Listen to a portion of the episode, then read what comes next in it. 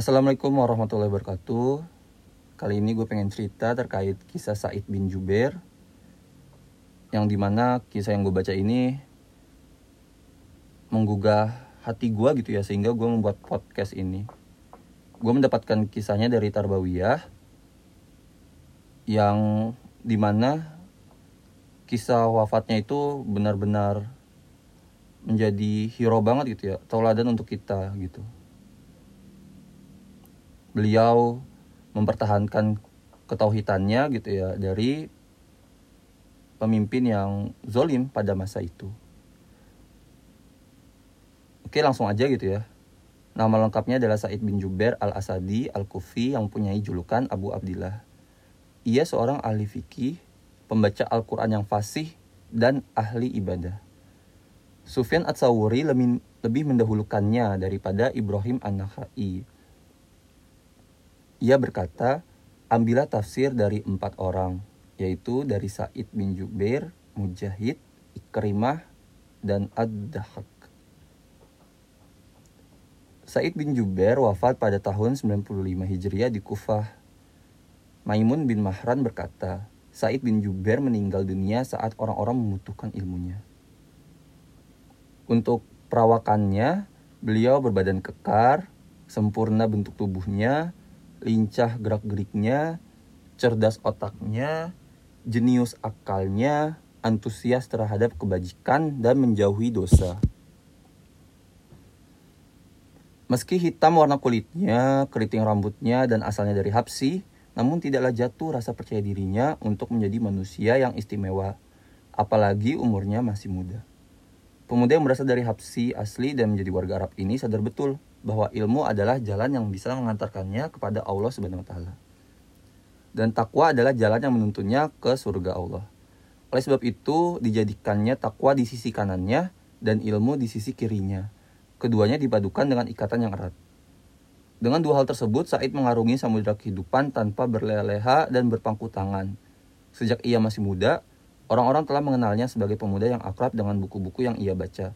Atau jika mereka tidak mendapatkannya sedang membaca buku, maka ia tengah berada di mihrabnya untuk beribadah.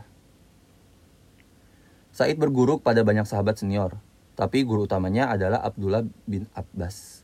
Besar umat Islam dan lautan ilmu yang luas. Dengan setia Said bin Jubair mengikuti Abdullah bin Abbas layaknya layang, bayangan yang selalu mengikuti orangnya. Dari sahabat inilah ia menggali tafsir Al-Quran, hadis-hadis, dan seluk-beluknya. Darinya pula ia mendalami persoalan agama maupun tafsirnya. Juga mempelajari bahasa hingga mahir dengannya. Dan pada gilirannya tidak ada seorang pun di muka bumi ini kecuali memerlukan ilmunya. Selanjutnya ia mengembara dan berkeliling di negara-negara muslimin untuk mencari ilmu sesuai kehendak Allah.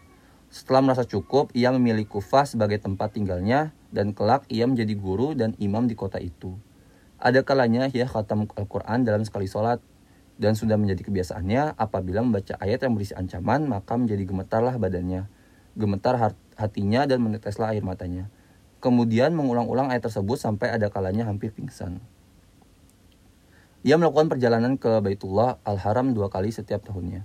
Pertama adalah pada bulan Rajab untuk melakukan umroh, lalu di bulan Zulqa'dah hingga usai ibadah haji.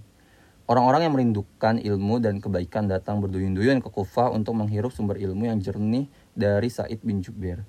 Beliau pernah ditanya, apakah kasyah atau takut itu? Dia menjawab, kasyah atau takut adalah bahwa engkau harus takut kepada Allah hingga rasa takutmu menghalangi dirimu dari perbuatan maksiat ketika ditanya tentang zikir, ia berkata, zikir itu adalah taat kepada Allah.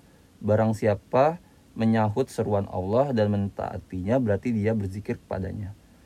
Adapun orang yang berpaling dan tak mau taat, maka dia bukanlah termasuk ahli zikir, meski dia bertasbih dan membaca Al-Quran semalam suntuk. Kota Kufah yang menjadi pilihannya untuk menetap ketika itu dibawa kepemimpinan gubernur Hajjaj bin Yusuf At-Sakafi Kekuasaan Hajjaj meliputi Irak dan seluruh seluruh Masyrik serta negeri di seberangnya. Dia memegang kedudukan dan kekuasaannya dengan penuh kesombongan. Dia telah membunuh Abdullah bin Zubair, menumpas gerakannya, menundukkan Irak di bawah kekuasaan Bani Umayyah, dan memadamkan api pemberontakan di sana-sini. menghunus pedangnya di tengkuk manusia dan menyebarkan rasa takut di seluruh negeri kekuasaannya hingga para penduduk merasa ngeri dan takut akan kekejamannya. Suatu ketika takdir Allah menghendaki terjadinya perselisihan antara Hajjaj bin Yusuf At-Sakafi dengan salah satu pendampingnya yang bernama Abdurrahman bin Asyad. Perang argumen akhirnya berkembang menjadi fitnah besar yang menelan sangat banyak korban, meninggalkan bekas luka dalam dan menyedihkan hati kaum muslimin.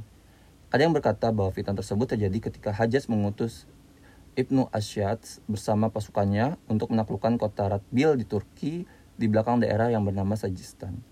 Maka berperanglah panglima yang tangguh tersebut dengan membawa pasukan besarnya dan berhasil menguasai sebagian besar wilayah negeri tersebut, termasuk merebut beberapa benteng yang kokoh dan mendapatkan banyak ganimah dari kota-kota dan desa-desa.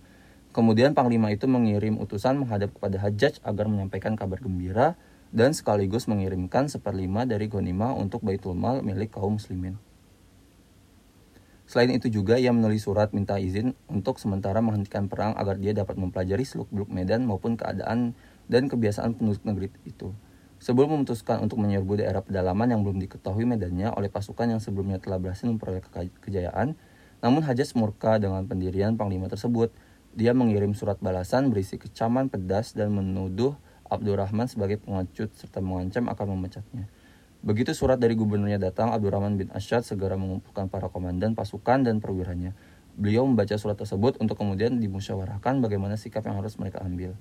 Ternyata para komandan itu menyerah, menyarankan untuk menentang pemerintah, pemerintah Hajjaj, maka Abdurrahman berkata, Apakah kalian bersedia berbaiat untuk berjihad kepadanya hingga Allah membersihkan bumi Irak dari kezalimannya?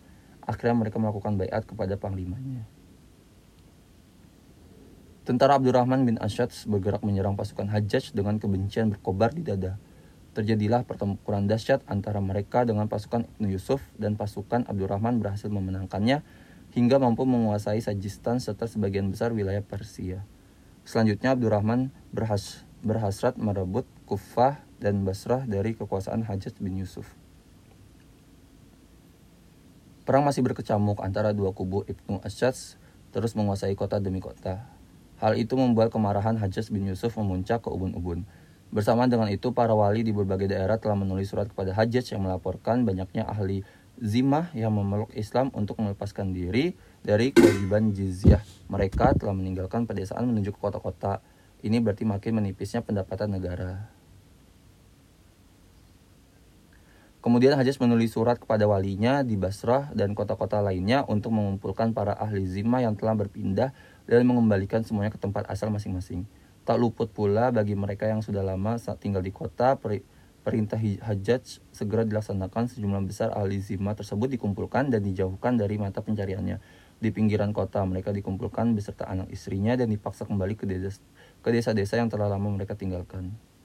Oke, mungkin itu dulu gitu ya. Kisah dari Said bin Jubair untuk